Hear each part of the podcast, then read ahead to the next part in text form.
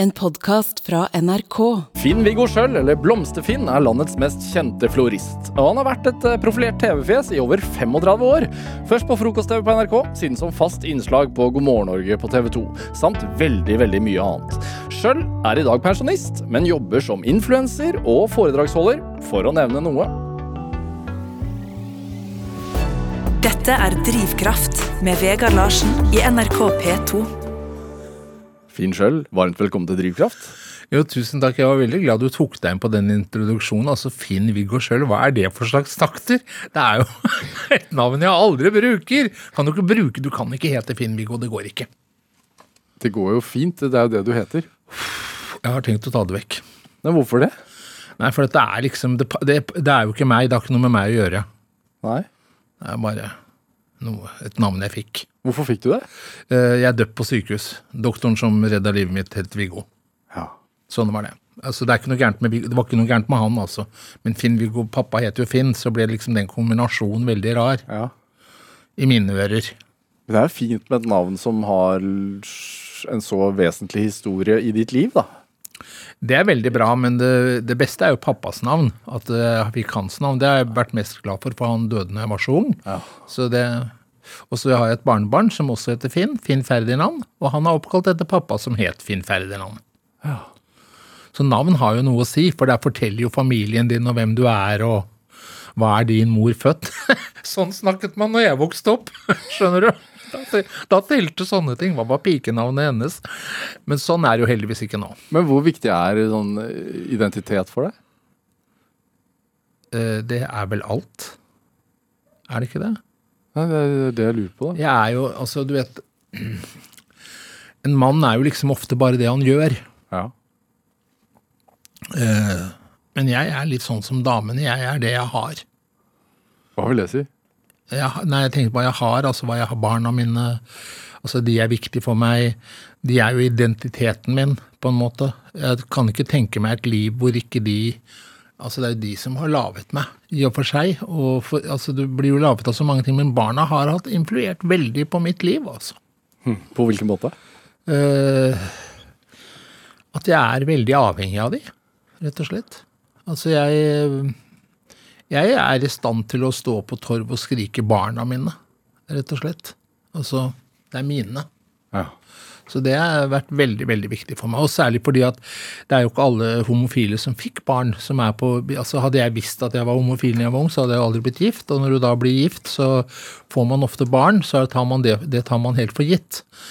Mens eh, nå ser du at eh, de unge homofile i dag de skaffer seg barn på annen måte. Altså Enslige kvinner skaffer seg barn på annen måte. Altså Man ordner livene sine selv eh, ut fra sine egne behov helt annerledes nå enn man gjorde bare for 30, 40, 50, 60, 70 år siden.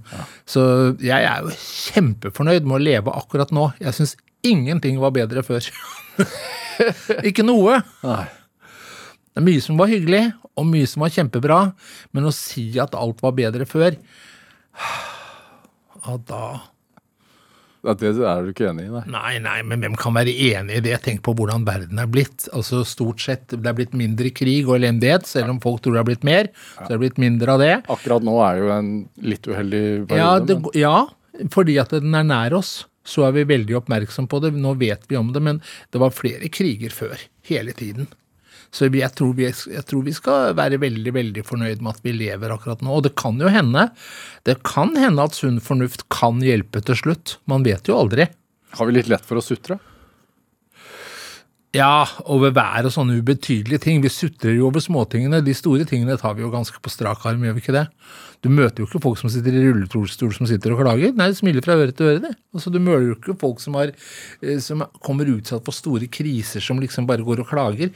Nei, de gjør det de må. De reiser seg igjen og går videre, og det er jo så imponerende. Men så, så har vi de som klager på lønna, klager på været, klager for, altså klager for å klage. Men det er jo liksom mer en sport. Når klager du, da? Eh, helst ikke, tror jeg. Jeg tror ikke jeg klager så mye. Jeg har jo ikke noe å klage på. Det er jo veldig irriterende. Det burde jo alle mennesker burde jo hatt en skikkelig ting å klage på. Det- Nei, det er jeg sluppet litt billig der, altså. Jeg er litt overfladisk, og det hjelper veldig. Overfladisk? Ja. Jeg dykker ikke så dypt ned i katastrofene. Altså Folk tenker liksom jeg graver meg ikke så langt ned. Nei. Jeg flyter litt der oppe. Generelt liksom på et sånt jevnt sted? Nei, det sier jeg ikke, men altså jeg er litt Jeg holder meg litt på toppen. Jeg dukker ikke ned i dritten, altså. Nei, Bevisst? Helt bevisst holder meg unna dritt. Syns ikke det er noe gøy i det hele tatt. Nei. Hvordan er, hva, har du noen triks? Hvordan klarer man det? Du må være blind på ett øye, sånn, og så må du være døv på ett øre. Det hjelper veldig. Altså, Du må ikke tro alt du ser, og du må ikke høre, tro alt du hører heller. Du må ha en viss sunn skeptisk skepsis. Du må, du må ta ting med en klype salt. Du må Faktisk, du har fått en hjerne. Og nå er det nesten på banne, altså for svarte, se og bruk den. Det tenker jeg veldig ofte. Bruk nå hjernen. Ja. Tenk deg glad, liksom? Eh, Tenk deg glad, du bør ikke tenke deg glad i det hele tatt, men du må tenke på situasjonen, og da vil du jo fort skjønne at dette er ikke noe å bekymre seg for. Altså, ikke sant? Det er bare å Man må være praktisk. Ja. Og det er jo veldig mange som går rundt og er litt uggende, og ikke vet helt hva det er. Skjønner du? Jeg ville jo ikke ofret en tanke hvis jeg hadde vært uggen i det hele tatt. Nei. Det hadde jeg ikke giddet å tenke på et sekund. Er det noen ulemper med å være overfladisk? da? Eh, egentlig ikke. Men det er, heller ikke noe for, er ulempe med at du klarer å dykke ordentlig dypt ned i ting heller. Det er heller ikke feil på noen som helst måte, men det er feil når du drar dritten opp og sprer den rundt deg. Det kan du spare meg for. Dette er Drivkraft med Vegard Larsen i NRK P2. Og i dag er eh, florist Finn Schjøll her hos meg i Drivkraft på NRK P2. Er florist det er det jeg skal kalle deg, Ja, jeg liker det. Ja. Altså Litt jålete er jeg jo. ja. ja, men du er jo florist. Ja, det er det jeg er. Ja. Ja, så jeg er blomsterbinder, og det er liksom florist. Det er en oppgradering. Men jeg er faktisk også, jeg er, en blomster, jeg er jo utdannet også, så det er jo en utdannelse jeg har. Ja. Så det er jo et fag som jeg Det er et håndverk som jeg utøver. ja. Og jeg har ikke noe sånn anstrengt forhold til det på en måte, men jeg syns det er greit at man har en yrkesbetegnelse. Det er, jo, eh, det er jo alltid det som er Hvis du er veldig flink til noe, da. Sett at du hadde vært veldig begavet som radiomann. ja. Eller veldig flink som, eh, som blomsterhandler, og så ville det nesten være synd at ikke du hadde litt utdannelse. For det å ha en utdannelse uansett hvilket fag det er, ha en læretid, altså hvis du jobber i NRK, så får du en læretid, ikke sant? Altså du sitter inne med en kunnskap. Eh, Jeg har vært i NRK i ti år, og du begynner ikke å diskutere med sånne folk, vet du. Du vet jo at dette, da har de hjernen sin med seg, de har fått med seg det de skal. I hvert fall burde de det. ja. Hvordan, var du sikker på at det var den utdannelsen du skulle ta? Overhodet ikke. Jeg er jo ikke så veldig initiativrik, så eh, mer sånn som springer rundt på engene. Nei, altså jeg er jo født og oppvokst i et gartneri, da. Ja. Hvem var det på Hvor i slekta var det? Det var hos besteforeldrene og hos foreldrene, altså og hos tanter og onkler. Dette var på en måte en, i gamle dager en stor bedrift. Horten? I Horten, ja. Så den lå For de som bor i Horten nå, så er det en hel bydel der nede som heter Strandparken. Der lå det altså en gang et gartneri. Hva het det? Det het Linden. Og jeg er ikke noe sånn 'å gud, så fælt at det er borte'. Der er jeg ikke i det hele tatt. Nei, bo der og kos dere, de som gjør det. Eh, men Overfladisk, vet du. på en måte. Men jeg ble spurt når kommunen skulle brenne om jeg ville være med på brannøvelsen. Det er jo én ting at de spør meg, men at de spurte min onkel, som da var i 70-åra, var jo sjokkerende. Så sa jeg til han, men herregud, du skal da ikke det. Så sa jeg nei, hva svarte du? Nei, jeg sa nei takk. Vil du være med og se de brenner barndomshjemmet ditt? Hva er det jeg for slags takter? Det er jo ikke det, man spør jo ikke om sånt. Nei. Hvordan, men Så du husker ikke noe annet, du, enn gartneri? Nei, jeg husker jo det stedet som magisk. Hvor stort var det? Eh, det var eh, to, fire, seks, åtte drivhus. Så var det et arbeidsrom som da gikk Så det var som fire veldig lange, så var det delt av et arbeidsrom. Og i det arbeidsrommet så var det alltid varmt. Ja. Det var store komposthauger utenfor, altså av kompost i den forstand at når vårløken gikk ut, eh, så på høsten så ble det lagt ut, men løk spirer nå en gang til, så jeg kunne gå der og plukke blomster og selge. Eh, eh, Så jeg fikk en slags eh, Og tante og onkel hadde jo blomsterforretning, så jeg fikk jo en slags? Ja, så det, det som var befriende, da, det var at um, hjemme hos oss så snakket man ikke så mye om penger. Hvorfor ikke? Nei, for de snakket om hvordan julegledene sto. Altså hvordan, eh, hvordan, eh, hvordan, hvordan er produksjonen, hvordan virker anlegget? Altså, for det var jo et anlegg, et halvautomatisk anlegg som drev hele dette gartneriet. Så de tingene var viktigere, liksom. Ja. Snakket om arbeidet sitt. Og de måtte arbeide. Hvor mye jobb er det å drive gartneri? Eh, Jeg tror det er mye jobb med alt her i verden. Hvis du skal gjøre en ordentlig jobb, så må du jobbe. Eh, Nå tror jeg at drive gartneri nå er jo helt, helt annerledes, men du må være veldig smart, altså. Skal du være gartner, så må du på en måte bevege deg i et land som er for voksne mennesker kanskje litt ukjent, altså nesten i trendmarkedet. Du kan ikke komme med gule tulipaner hvis folk vil ha rosa, da sulter du i hjel. Skjønner du? Du må på en måte vite hva du skal ha. Og det er, det er jo ikke noe vanskelig å skjønne hvordan trendene går for de som driver med det, men gartnerne må altså være på, og de må liksom ikke stille De må nesten ikke tvile på, på det. De må være, ha en intuisjon på det som er riktig. De må klare å forenkle arbeidsdagen så mye som mulig. Du må tenke Altså, en caffè latte en kaffe, altså en kaffe latte koster mer enn en potteplante. Altså, det er jo helt eh, Altså, du kjøper tulipaner, så koster kanskje tulipaner koster under 100 kroner. Og så koster en Hva koster en caffè latte? 125? Nei, fin. 50 kroner. Ja, 50 kroner. Hvor kjøper du caffè latten hen? Nei, jeg, Nei, altså, jeg, jeg vil spørre deg, hvor kjøper du kaffelatten din til 105 kroner? Men det er i hvert fall blomster er for billig. Ja. Det er det, og det kan man nesten ikke få understreket nok. Så disse menneskene som driver med det, de er flinke. Er det Hvordan følger du med på trender? Eh, Det er helt umulig å ikke følge med på trender, for bare du går i en butikk, og det gjør jeg altfor mye dessverre, så er det jo bare trendy stoff der. Det er ingen som kan drive og selge gamle varer nå. Så en eller annen slags trend følger du, men det er jo ikke alle trender som er like smarte. Nei, men du er, Men altså, jeg er jo påvirket av trender, herregud, det er du også. men du er jo også en påvirker. Eh, ja, jeg, til en viss grad så er jeg helt enig i at det er jeg faktisk. At jeg liksom påvirker. Men eh, det er jo ikke noe unnskyldning. Men Du er jo 153 000 følgere på Instagram. Der er du jo en påvirker. Ja, men jeg er mer i bransjen for voksne folk, altså. Jo, jo, men du påvirker for voksne. Ja, ja, men de har råd til det. Ser du det? Da har du ikke dårlig Da er, da har jeg da ikke ikke noe dårlig samvittighet Nei, ansvar. nei, jeg har ikke noe ansvar.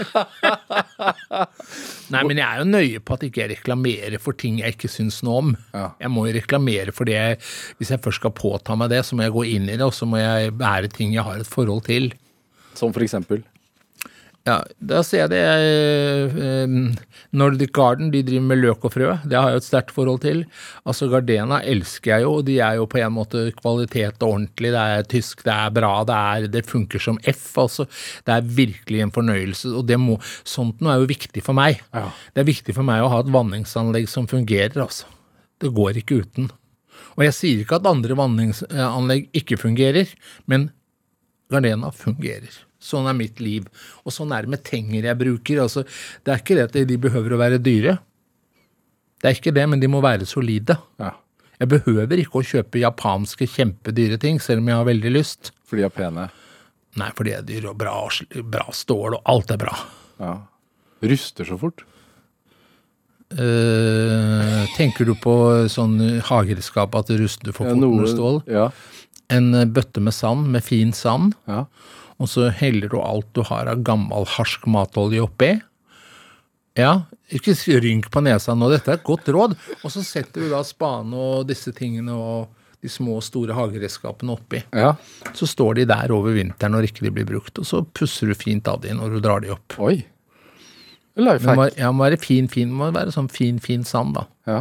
Er det Jeg har sett uh, på, på din sosiale mediekonto på Instagram at eh, hagen din er ganske sentral. Ja, den er viktig for meg. Ja. Når var det du begynte det prosjektet?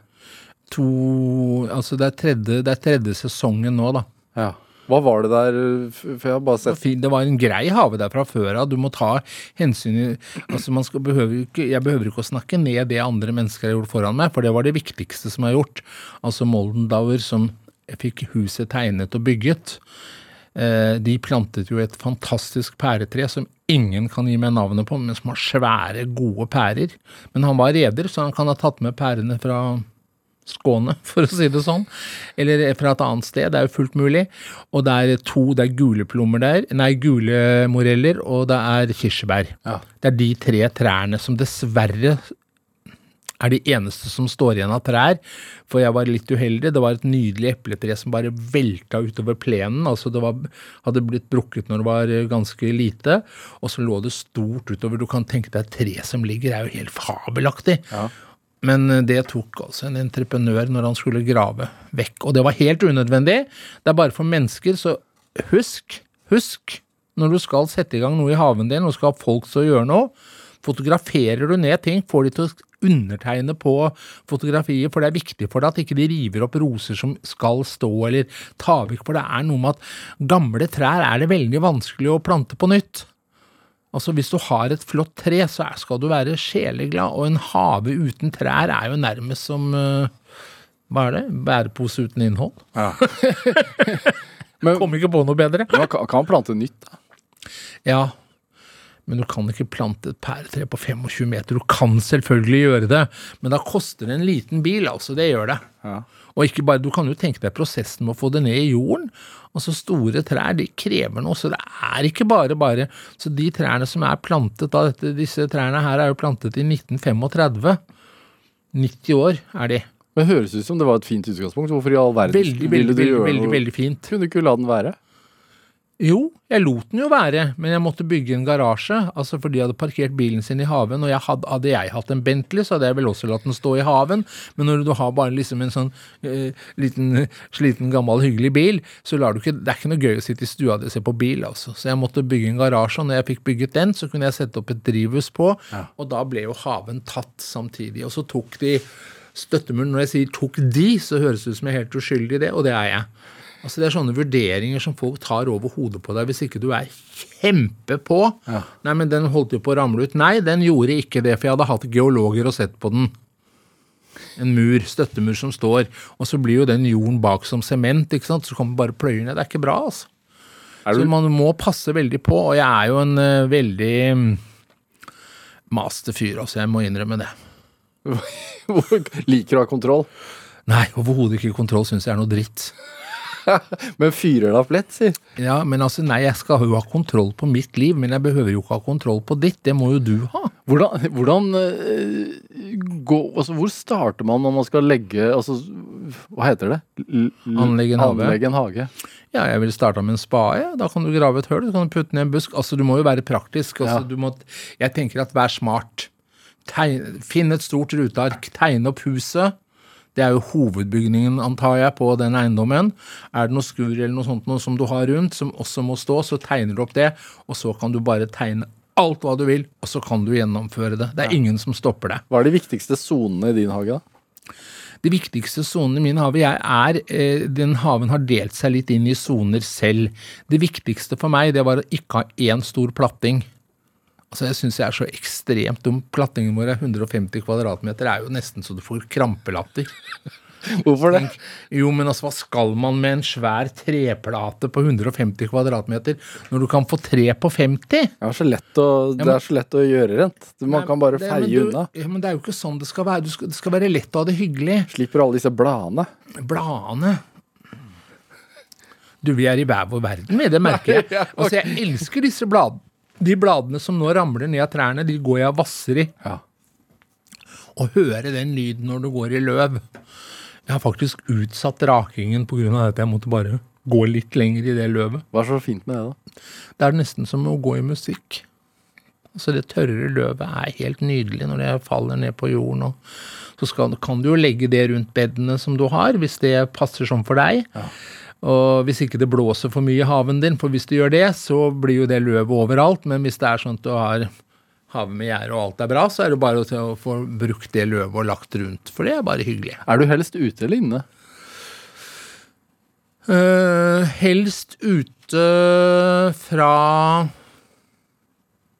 mars til nå, november. Så- november ble det i år, da. Jeg så du skrev at nå er høstånda gjort. Ja. Hva, hva betyr det? Jo, altså høstånda er jo våråndas mor. Hvis du skjønner, det du gjør nå er jo veldig viktig. Du setter løk. Hva har du satt? Eh, jeg har satt tulipaner, tulipaner, tulipaner, tulipaner, tulipaner. Og jeg har ikke satt noen fancy tulipaner i år. Jeg har bare satt vakre i år. I år har jeg liksom gått for 'Å gud, så nydelig'. ikke sånn 'Å du, så spennende'. Det hadde jeg i forrige fjor. Angra da de blomstra? Nei, det, jo, de blomstra fint, men tulipaner setter du gjerne litt nytt hvert år, da. Ja. Så tar jeg opp de gamle løkene, det gjør jeg. Og så kaster jeg ikke Må de. man det? Blomstrer ikke de på nytt? Eller? Eh, Men de blir mye mindre det er alt det genererer. Ja. Så da har jeg laget et bed, som er liksom på Huset mitt er heldigvis dytta helt i enden av tomten, så jeg har liksom en vei, så en liten smett, som eh, man ikke kan kjøre på, men som er som I Orskestrand så går det sånne smetter, da, så du kan liksom gå innimellom huser og sånn. Jeg har, Huset mitt ligger til en av de, og der har jeg liksom bare fylt opp uh, en grøft med løk, så der er det veldig gøy om våren. Kommer det mye forskjellig, og så har jeg de fine nye løkene inne.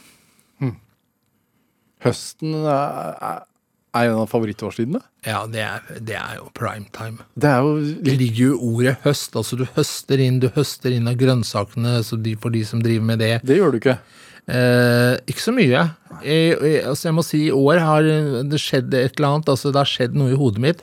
Jeg har ikke sådd kobe, eller ikke hatt kobea. Jeg har hatt lite erteblomster, og det pleier, det pleier jeg å ha mye av. Og jeg har ikke hatt gresskar. Gresskar er liksom på en måte en slags sånn Det er et eh, ja, en kjernevekst i haven. For det er så gøy, vet du. Du tar bare et frø, dytter ned i jorden, så kommer det sånne svære, digre blader opp. Og da får du dekket mye av sånne plattinger.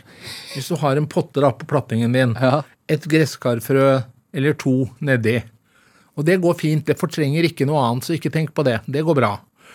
Og så vil de da bare velte ut, og så får de kanskje Hvis du har squash eller noe, så får du jo frukter, og det er jo gøy. Det er liksom moro. Ja. Rett og slett å se at det kan bli så svært. Så det, det, med Da må du vanne, altså. så det med høsten er det egentlig at du Du gleder deg til våren? Høsten er jo liksom det at året pakker sammen.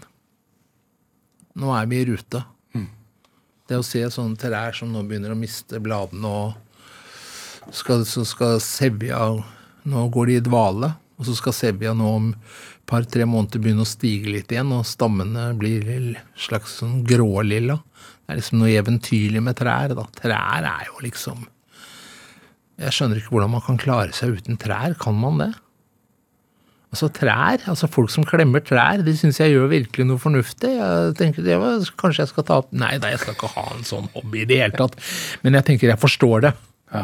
Jeg forstår at tre er verdt en omfavnelse. Er du melankolsk?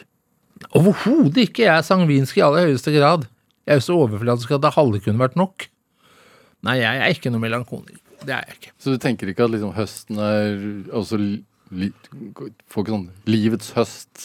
Overhodet ikke. altså Jeg er så realistisk på sånne ting. Livets høst. Jeg står jo i livets høst. Det er, noe, det er jo ikke noe å diskutere engang. Altså Noen sier til meg at du holder deg godt, det vet de lite om. Altså De ser på et skall på en appelsin og sier at den er altså skjønner Du det er jo helt, du ser på skallet til et menneske. Det er jo innsida som teller. Det har vi lært hundre ganger. Ja. Hvis du blir operert, da. Du tar blindtarmen, og så ser man på såret på utsida. Ja, det er veldig bra at det gror bra, men det beste er når det går bra på innsida også. Ja. Hvordan går det på innsida? Innsida går det bra med. Ja. Nei, jeg er helt forsont med at jeg er eh, 75 år snart. Det er jo ikke noe å mase med. Det er jo sånn livet er. Jeg har begrenset tid igjen. Det forstår jeg jo. Så nå legger jeg ikke planer I gamle dager så kunne jeg legge planer 30-40 år frem i tid, men nå legger jeg nesten aldri Ja, ja. Jeg har jo en idé. Nei, men jeg skjønner Jeg har jo en slags en idé hvis livsløpet holder seg sånn som det gjør nå. Ja. Hvordan jeg skal gjøre ting når jeg blir eh, eldre. Jeg har jo det. Hva er det, da? Eh, tror kanskje at jeg burde tenke sånn at eh, når jeg er rundt 80, så burde jeg få meg et veldig lite, helt supermoderne, lettstelt hus. Uten hage? Nei, med hage! Herregud, det finnes tusen mennesker som får kjøpe hjelp, da må slutt å klage. Nei, men det er sånn, du behøver nødvendigvis ikke å spane en plante selv. Det kan man, den tjenesten kan man kjøpe. Ja. Altså, Du behøver ikke å kjøpe flere sofaer, du behøver ikke kjøpe flere malerier, du behøver ikke kjøpe mer av noe, for det har voksne mennesker mer enn nok av. Og Det er ikke noe sånn at ting går i stykker for voksne mennesker. De sier det selv ofte. Vi har byttet ut de har byttet ut sofaen. Det betyr de tok en veldig bra sofa, pensjonerte den og fikk inn en eh, ny en som i grunnen er av dårligere kvalitet, men ser bedre ut, og er mer trendy og passer akkurat bedre nå. Nei, Det er deilig å ha noe å bruke penger på, vel? Ja, nettopp. Ja, Hva bruker du, hva bruker du det Jeg på? bruker, penger, jeg bruker penger på Hagan, da. Ja. Og så bruker jeg litt penger på mm, ja, Nei, jeg, jeg reiser jo litt, da. Jeg er ikke noe sånn veldig Nei, så jeg bruker jo Jeg bruker generelt altfor mye penger. Jeg bruker så mye penger at jeg er nødt til å jobbe. Det er jo en skam. Det er jo helt skammelig. Nei, du skjønner, jeg har ikke råd til å slutte å jobbe. Altså, det høres så Er det, veldig er, men er det sant? Er det ikke Det er, jo ikke Det er, det er kokettering. Er, du, du velger å jobbe. Ja, selvfølgelig velger jeg å jobbe, men jeg velger å jobbe ut fra det at jeg bruker så mye penger òg. Skjønner du, når du gjør det, da Jeg bruker, mye, jeg bruker faktisk mye penger på veldedighet, f.eks., som jeg syns er helt ålreit. Ja. Altså, altså, jeg tenker at det, når verden er sånn som den er, hvem er, hvem, er det som, hvem er det som har ansvaret? Jeg ser at noen mennesker sulter. Jeg kan gjøre noe med det. Har jeg et ansvar, eller har jeg ikke? Det må jo være den som ser det. De som er blinde, kan vi jo ikke hjelpe. Folk som ser og overser ting, de kan vi ikke, men de som ser det, de må ta et ansvar, altså. Altså Akkurat der er du ikke overfladisk. Eh, Det er jo, jeg er jo det, da, for jeg kjøper meg fri. Fin sjøl. Ja, ja, rett og slett. Det finnes, jeg har venner som faktisk jobber med Blå Kors Ja. flere dager i uka. De kjøper seg ikke fri. De gjør en innsats. Det er beundringsverdig. Det er jeg helt enig. Finn sjøl, vi skal spille litt musikk. Du har med Carmen. Altså, Vi må få opp litt temperatur, tenkte jeg, men det hadde vi ikke trengt. Jeg kunne jo tatt en vuggevise nå, jeg merker det. Ja, hva? Hvor, jeg, At jeg jeg undervurderer situasjonen helt fullstendig. du ville tatt den ned? Ja, nå drar vi det opp. Ja. Det? Men er du en musikk, eh, musikkens mann? Nei. Det er bare noe intellektuelle fjolleri med meg. Så jeg sto jo mellom liksom Carmen eller Dvorsak, og når jeg tenkte Dvorsak, det er fordi at jeg veit Dvorsak er bra, ikke sant. Ja. Så ja, jeg pynter meg med musikk. Jeg lytter ikke så mye til det. Skal vi høre, da? Ja, Ja, Få få pynte oss litt.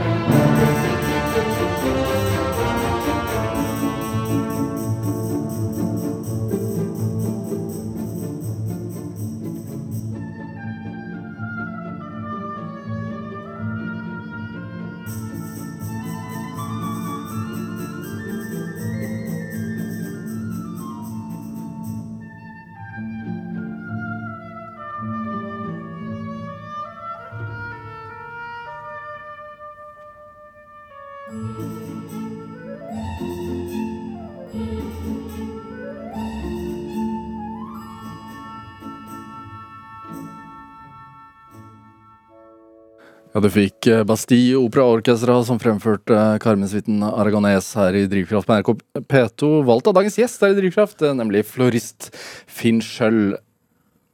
Finn-Viggo Schjøll. Må du gi det? Men det er akkurat det. Det du Du, nå ble vi enige om at vi skulle spre glede. Jeg syns det var billig. Jo, men det Altså, du nevnte jo i en bisetning helt i starten av denne praten om at eh, en lege reddet livet ditt. Ja. Hva, hva var det som skjedde? hva, Jeg er jo et sånt eh, Jeg er født i 1948, så jeg hadde veldig Da, da kunne du få um, På grunn av at det hadde vært underernæring da, av mødrene, så kunne man jo få masse mangelsykdommer og sånt. Så jeg hadde Jeg ble født uten hud på underkroppen. Og så hadde jeg Altså, jeg klarte ikke å ta til meg mat. Oi. Det bare kom opp igjen. Så øh, var, øh, Penicillin var akkurat kommet, og så ble jeg sendt inn til øh, Rikshospitalet i Oslo fra Horten, da. Eller fra Tønsberg sykehus da, som jeg hadde kommet på. Jeg var et halvt år, så jeg lå på sykehuset et halvt år. Uh, og så var vi to. Så det var ikke noe uvanlig, det som uh, jeg led av, sannsynligvis. Uh, han andre overlevde ikke, men jeg overlevde. Det Men det var liksom den der første kritiske tiden òg, da når jeg var født og vi liksom uten hud, det tok jo litt hva, hva sa moren og faren din om det? Altså, de menneskene kan du ikke regne med. Hva de sa. De var helt Jeg må si, det der, med de to Altså, de var de mest smarte mennesker. Eh, jeg hadde da også det var, det var liksom bare dette her Nå, sett dere ned, len dere tilbake, nå kommer elendighetsforklaringen. Jeg hadde også noe gærent med bena mine. Det var noe noen sener som var for korte. Så det har vært veldig smertefullt. Jeg har fremdeles vondt i bena. Men jeg snakker ikke så mye om det. Jeg har lært meg å fortrenge det, faktisk. Jeg vet ikke hvorfor, men det har jeg nå klart. Så når jeg da gikk med disse jern, så måtte jeg gå med jernskinne, ikke sant. Og da var det sånn at når foreldre kan si da at jeg kunne jo ikke gå, jeg kunne jo ikke gå på ski omtrent, altså jeg kunne nesten ingenting, men jeg kunne det allikevel av foreldrene mine. Nei, men da får du ta min sykkel, da. Du får øve deg på den, det må du klare. Nei, men det er da bare Nei, det der har ikke noe å si. Det, nei, det der går helt fint. Nei da, ikke tenk på det. Du fikk aldri synes synd på deg selv? Nei, men de hadde stor omsorg og stor kjærlighet i det, da. Ja. I det der, at de liksom på en måte beskyttet meg mot eh, det negative, på en måte. Ja. Klarte de det? Ja. Helt fullstendig. Gud, har du tvilt på foreldrene dine? Du har ikke vokst opp i et hjem hvor du tviler på foreldrene dine. Man gjør jo ikke det, og tviler jo ikke på Så derfor er det så viktig det mamma og pappa gjør. Og det er jo en grunn til at du har to av de òg, da. Som regel, ikke sant, så du er heldig. Så det er jo noe med at uh, vi tror jo på det foreldrene våre sier. Vi tror på det foreldrene våre gjør. Så det har jeg lært mye av, i grunnen. Vil jeg tro. Jeg håper det. Jeg vet ikke. Hvordan, hvordan ellers var eh, det skjølske hjemmet? Der var flagget oppe, altså. Hva vil det si? Jo, det var, det var liksom en slags fest. Hvem var, hvem var eh, festens midtpunkt? Det var farmor. Hvordan da? Hun hadde jo lommeboken.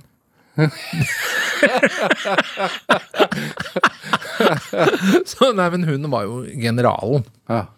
Altså Hun var jo den som drev, satt jo på toppen. Hun var jo blitt enke i 1948, det året jeg ble født, så hun var jo liksom klar til å drive dette videre. Og få til det. det var jo, Og kvinne. Det var jo liksom ikke helt vanlig. Så, men hun, det var hun som hadde kjøpt gartneriet òg, da. Ja. Man må liksom være litt ærlig her. Var hun som hadde skaffet pengene. Så Driftig. ekstremt driftig. På den tiden ganske uvanlig, kanskje? Ja, også det at jeg har jo hatt en mor som har arbeidet. Det har jo vært øh, Det har jo på en måte preget barndommen min på flere enn én måte. Vi hadde jo ikke noe altså Jeg tror ikke vi hadde dårlig råd, hvis du skjønner. Nei. Det var aldri snakk om det. Penger var liksom et sånt ikke-tema. Det var, øh, var ikke noe man snakket om. Ja. Så øh, Hva er de beste barndomsminnene? Det er vanskelig å si. Det er liksom festen. Disse menneskene som Vi bodde jo der alle sammen. altså Vi bodde der, tanter og onkler og Jeg hadde en eldre kusine. Etter hvert så kom det en yngre kusine. Altså Det var den nærheten. Og det holdt hele livet. Da. Så lenge de menneskene levde, så Altså disse søsknene som var gode venner, og som alltid hang sammen. De var fire av de. Det var jo veldig gøy. Det er klart det var morsomt, at det preget meg veldig. Og så mamma hadde jo altså Jeg hadde jo mormor som bodde i Tønsberg, det syns jeg jo også var stas. ikke sant? Var det sånn staselig? Tønsberg var liksom litt flottere enn Horten, på en måte. Ja, Det var den gangen, ikke nå, altså. Nå er det kulturbyen Horten som teller her. Og hvor bor du? Jeg bor i Horten kommune, da. Men hvem var du, da? Nei, jeg var bare i oppveksten, mener du, som barn. Ja. Du er jo blitt en TV-personlighet nå. Likte du deg da i sentrum allerede? Jeg tror ikke at det er det. Jeg tror at eh, Du vet, dette programmet heter jo Drivkraft. Det har jeg aldri hatt. Jeg har aldri hatt konkurranseinstinkt eller noe sånt. Jeg, fordi at jeg hadde jo det beinet, så det var liksom kunne jeg, det kunne jo liksom jeg, ble jo aldri valgt når noen skulle spille håndball eller fotball eller hva det het for noe. Jeg vet jo ikke hva det het engang, for jeg ikke ble valgt, så jeg bare sto der. Nei da, men det gikk også bra. Men det som var at jeg på en måte hadde en slags sånn stamina, og den har jeg beholdt. Det er vanskelig for meg å ikke sluttføre. Det er vanskelig for meg å ikke gjennomføre arbeidet mitt. Eh, Så det er ikke sånn at jeg, jeg behøver ikke å begynne på tusen ting. Jeg nøyer meg med å gjøre én ting av gangen. altså. Det en lærdom du fikk hjemmefra? Det, da? Nei, det tror jeg ikke. Jeg tror det er liksom Altså, du har, for å si det sånn, du har liksom skjønnheten etter mamma, og så har du intelligensen etter pappa, og så har du 50% er jo også deg. Så du har jo noe som er deg. Så jeg føler jo at, eh, at den staminaen, den er nok eh, kanskje da mer relatert til farmoren min og mormoren min, for mormor var også yrkeskvinne. Var en jævlig flink dame som jobba på. Så, som øh, virkelig, Og det var jo ikke så vanlig at folk liksom Du vet, jeg vokste opp i 50-tallet. Da var jo den 50-talls amerikanske husmoren hun var jo kjempepopulær. Så populær at hun hadde hoppet ut fra filmlerreten og bosatt seg i Norge òg, på en måte.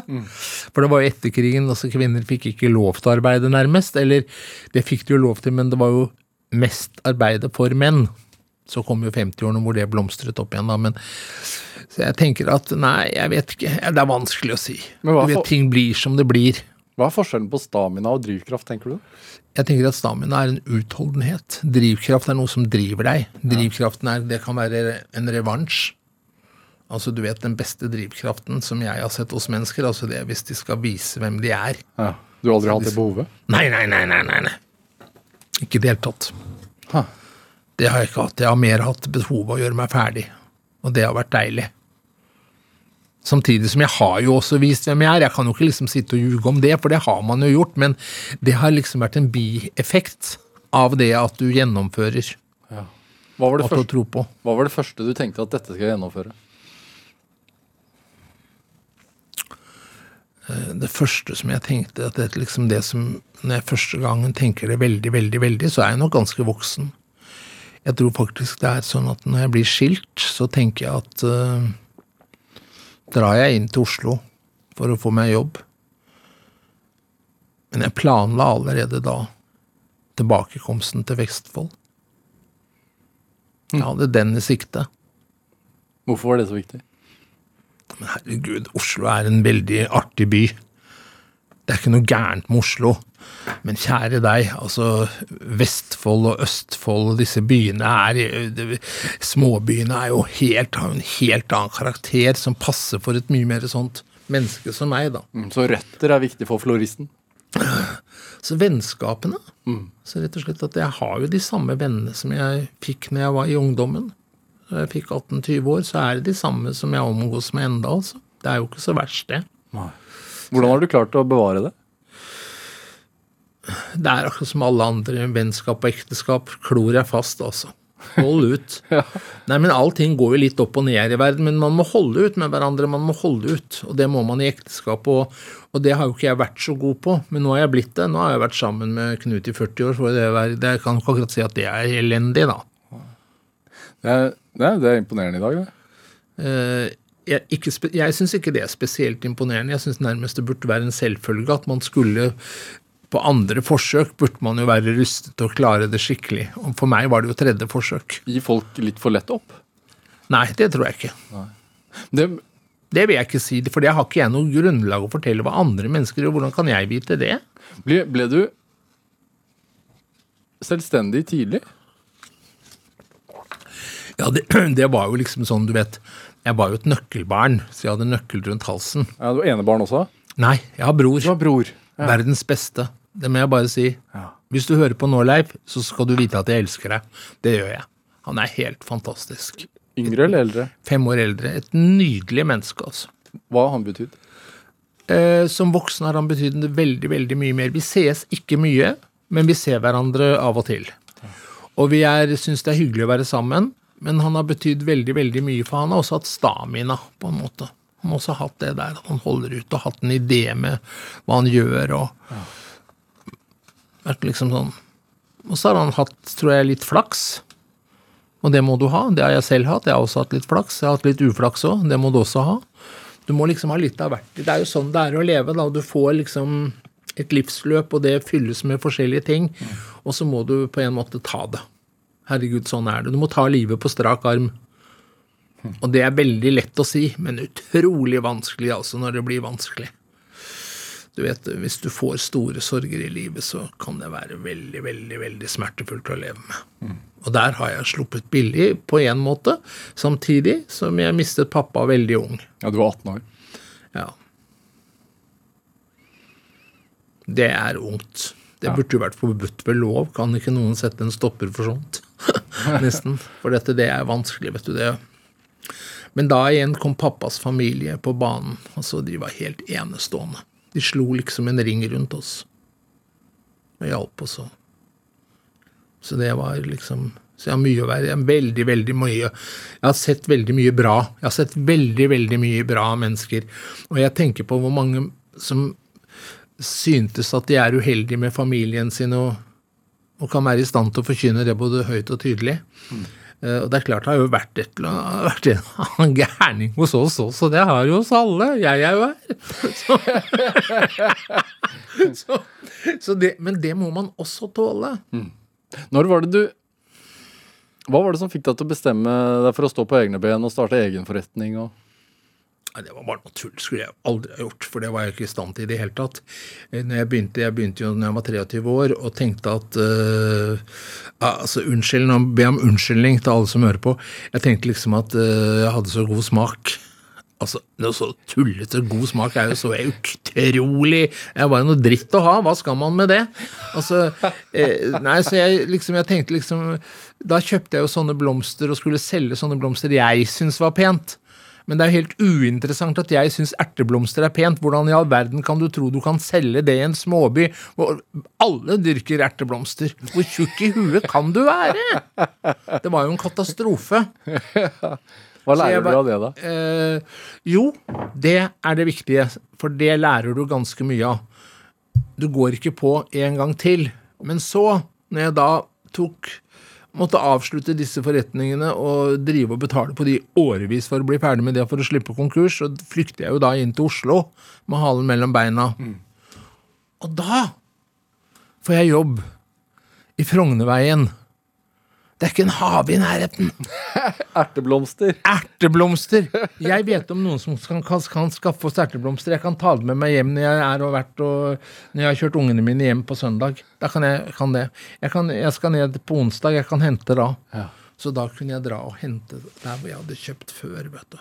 Så kommer det da Det var helt magisk for meg å se at jeg på en måte hadde hatt rett, bare ikke der jeg var først. Ja. Erteblomster er jo vakkert, men det lever jo kort. Men du må ha god råd, kanskje, for å kjøpe Jeg vet ikke hva du må ha for å kjøpe det den gangen, det aner jeg ikke, men i hvert fall det er helt uimotståelig Hvordan- ikke du har det. Men derfra, altså fra Frognerveien, hvordan havna du på skjermen? Du, det var Toppen og Britta Ja. som kom og spurte, eller fortalte at jeg skulle begynne på TV. Men det var helt uaktuelt. Hvor, hadde de sett deg i i Ja, de hadde sett butikken, meg, et, et, sett meg i butikken, og sett meg i et eh, program som het Mann i dag, med Trond-Viggo. eh, Som jeg syns at jeg var elendig i, selvfølgelig. Og det var jeg jo òg. Så uff, eh, Programmet for øvrig var, var også veldig tettpakka med mye, så jeg fikk liksom aldri Jeg følte at dette man aldri helt kom til sin rett, da, men det har jeg tydeligvis gjort. Fordi damene var jo bestemt, mens jeg var bestemt på at de kunne ikke ha en homofil mann i et morgenprogram. At det faktisk var helt Folk ville jo sette kaffen i vrangstrupen. På frokost-TV? Ja. Hvorfor tenkte du det? Hvorfor tenkte du det? Det er helt tydelig at du er jo et barn. Nei, altså, dette her er 40 år siden. Ja. Verden var helt annerledes. Homofili var en sykdom på en måte, nesten, altså selv om det var fjernet fra loven. altså Det var jo det var noe nedrig, det var noe skamfullt ved det. Jeg så jo ned selv. Ikke det at jeg var flau over det, selvfølgelig, men det var liksom ikke noe man flagga. Det var, det var en kinkig situasjon. For man ville jo liksom være den man var, for der var jeg jo stri på det. At jeg skulle jo være den jeg var. Og samtidig så følte du at det kunne skade andre mennesker og være vanskelig for andre. Og, og for mange mennesker var det ikke vanskelig. Altså, det var mye av mine omgivelser som ga blaffen i det. Altså, det var så, så det, og Oslo var da en stor by, så det var jo perfekt å komme hit, da. Men det var ikke sikkert at jeg tenker på når jeg dro da fra Horten den gangen, eller siste gang jeg var i Horten, som var min barndomsby da, så tenkte jeg hit skal jeg aldri tilbake. Men når jeg kom tilbake dit da, etter noen år, og ble stoppet på gaten, og folk hilste på meg og sånn, så tenkte jeg Horten er vidunderlig. Ja. Så ting er liksom Du vet, det er ofte verre inni deg selv. Det er vanskeligere Så det var vanskeligere for meg kanskje enn det det egentlig var. Så det var, det var mye sånne dumme fantasier og sånt, men altså det har jeg lagt av meg. Nå får vi holde oss til det realistiske og slutte å tulle. La du lokk på deg selv i starten på TV? Med at jeg var homo? Ja. Nei, nei, nei, det var det første jeg fortalte. Ja. I det til Trond-Viggo-programmet. Eh, og det var jo en slags det var jo en slags mening at jeg skulle også det, men det ble jo provosert litt frem òg. For det er jo ikke så veldig vanskelig å provosere meg. Som, som, for da var det altså Det er jo noe med at Og det var jo veldig bra. Så det var veldig bra. Altså, det var så veldig bra også. Det var, det, det var jo Man hadde jo ikke sett et levende homofilt menneske på TV utenom Karen Kristine Friele. Som, eh, altså, mens jeg da, får, jeg, da får jeg jobb i et morgenprogram og er definert homo. Det var jo altså en bragd. En bragd av Toppen og Britta. Tusen takk. Det var damene sine, altså. Så at de gjorde det, det var helt fantastisk. Og da, når de endelig klarte å overtale meg, så er det sånn at Toppen forteller meg helt klart og tydelig hvem hun er. Og så sa jeg, men det vet jeg. Så sa han nei, det gjør du ikke. Britta som sitter der, hun mistet jobben i Kvinner og klær. Eller alle kvinner var det, alle kvinner var toppen redaktør i. Og Britta var journalist, og de mistet jobben sin, for de skrev om eh, kvinner og orgasme. Skjønner du? Da, og det var jo før dette her. Så de hadde altså mistet jobben sin pga. det. Det var jo helt utrolig! I et dameblad! Burde jo bare skrevet om sånne ting hele tida, selvfølgelig. Hvem er så Who cares nylonstrømpe med sømmen bak? Men har det vært viktig for deg å være et forbilde? Sånn har jeg jo aldri tenkt, men jeg har tenkt at de gangene jeg har skjønt at jeg har hjulpet noen med det, så har det vært ok. For vanligvis når man spør kan du ikke stå fram med beina dine, eller kan du ikke snakke om eh, ditt, og du vet det betyr mye for andre når journalister spør om det, så sier jeg det driter jeg i. Rett og slett, og det mener jeg. De forklarer, de forklarer seg sjæl.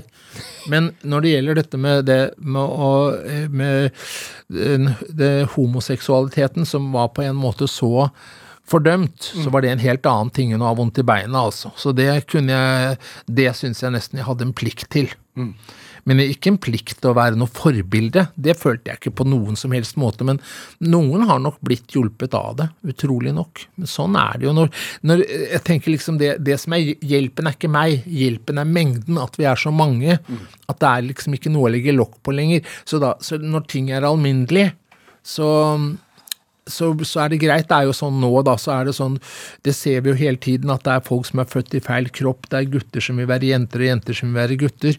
Og da tenker jeg alltid, men hvor farlig er det om en gutt kommer i kjole? Herregud, kan det, Skal det bry oss? Altså, hvis, Hvordan i all verden kan vi mene at det Det spiller vel ingen rolle? Altså, det, for vi burde jo på en måte heller hjelpe de, altså Vi burde hjelpe mennesker som er rundt oss og i nærheten av oss, og aldri fordømme. Det må vi ikke, det har vi ikke noe rett til. Vi kan ikke fordømme andre menneskers liv. Altså, jeg husker jo altså øh, menn som øh, gikk i kvinneklær øh, på 80-tallet. Husker jeg hadde en kunde. Altså, folk var ikke særlig snille, altså. Var ikke så snille. Og det er ingen grunn til å være slem. Det er ingen grunn til Hvis du syns ting er for vanskelig, så må du gjerne si det, men si det inni deg, og aldri høyt. Ikke snakk om Ja, men det vi snakker om kjøkkenbordet Nei, hold kjeften din. Hold munn, for man skal ikke snakke nedsettende om noen noe sted, og særlig ikke rundt kjøkkenbordet, for man tror det mamma og pappa sier. De er jo idealene våre, det er jo det vi ser opp til, det er jo de vi har. Det er referansen vår. Så hvis mamma og pappa ikke fungerer, så, fungerer jo, så kan de ikke vente at barna skal fungere, altså. Helt enig. Så sånn er det. Du syns du er streng? Nei, jeg syns ikke det. Men jeg skjønner jo, du driver og holder sånn inspirasjonsforedrag. Jeg forstår det nå. Ja, ble du inspirert Ja, til å gå i kjole? Det hadde ikke vært meg nå. Du må bare stikke ut og skifte. Jeg venner meg fort til det. ja. det, det, med, det du sa rett før uh, dette her, at smak Det skal jeg ikke legge meg opp i. Andre folks smak. Ja. Er ikke du sånn smaksdommer, da? Nei, overhodet ikke. Tenker du på når jeg er med i Sommerhytta, for, For eksempel, ja. Ja, der er jeg mer, jeg er mer på hva jeg syns jeg, Det jeg dømmer ut fra, hva jeg syns er veldig bra. Det er hva jeg liker, så det er klart du kan si det er min smak som, som kommer igjennom der, men det må liksom, planta må være satt i jorda. Det må være logisk det de gjør. Det må, være, det må på en måte ha en framtid. Hvis du setter en plante i jorden, så tenker du ikke så Hvis du planter et tre, så tenker du mer enn 14 dager fremover. Men du har jo gjort, vært det, altså du er jo en forkynner av estetikk. Ja, Ja. Hvorfor er det så viktig? Er det, altså, har du hatt et sånn mantra du har hatt en ønske om å lære jeg, er så, folk? jeg er så tjukk i huet at jeg tenker jo eh, at hvis det bare ser pent ut, så er det pent. Hva syns du? Du vet, du kan ikke bli dummere enn det. Men altså, jeg tenker, det hjelper. Det er hyggeligere med et, å gå og sette seg til et bord som er fint. Det er enkelte dager i, i livet ditt som fortjener liksom litt ekstra. Det gjør ikke noe at konfirmasjonen på en måte er eh, gjennomtenkt og litt hyggelig. At man legger litt arbeid i det. Hvor ofte du, altså, legger du arbeid i, i altså oppdekkingen hjemme, da? Hele tiden. Men jeg kan fortelle en ting som jeg syns var så rasende festlig. Det var Mitt barnebarn hadde fått seg en kjæreste for noen år tilbake. Og så skulle hun komme. Og jeg hadde sagt da må du ta med deg henne til bestepappa, så han får hilse på det. Så kom de da. Han kom kjørende. Han var jo 18 år. Da hadde jeg altså tenkt at nå må vi liksom bare se Nå må vi liksom bare gi full gass her. Altså, jeg hadde virkelig dekorert, altså. Virkelig dekorert sånn at du nesten fikk kvelningsanfall. Og nå varte jo ikke dette forholdet her i så veldig mange år, men, det, men jeg husker altså ansiktet hennes når hun skulle late som ingenting. Men det gikk ikke. Hvordan så det ut? Det var jo blomster fra lysekroner, og det var blomster overalt. Det var, alt var vakkert. Alt var Å, gud, så nydelig. Det så ut som Gud hadde flytta inn. Ja. Og sånn Nå har barnebarnet fått seg kjæreste, det skal feires. Ja, jo, men det skal det ikke det! Herregud, skal vi ikke ha det litt moro? Ja ja, og eh, ikke tenk på det. Det behøver ikke å vare, for de får ny. Da kan man gjøre det en gang til. Og da får man litt rutine på det òg. Men hva med i, i parforhold og kjærlighetslivet, da? Hvor ofte er det alltid hvit duk? Nei, det er aldri hvit duk. Nei. Du legger da ikke hvit duk på mahogni, nei da. Nei, du, vi sitter altså og spiser mest ute, vi. Altså, vi sitter jo liksom og spiser ved et gammelt låvebord, vi, rett og slett. Og sitter jo ute, så vi, har jo, vi er jo mest ute, da. Ja? Så sånn er det, og sitter og spiser i drivhus, og det er helt nedpå. Ja. Det er ikke noe grunn til noe annet. Men Knut lager alltid mat, ordentlig mat, hver eneste dag. Og det ville jo jeg aldri fått hvis jeg skulle gjort det. Nei. Det er veldig fjernt fra meg. Men det er viktig å feire litt hver dag. Ja, og så rutiner. Hvordan da?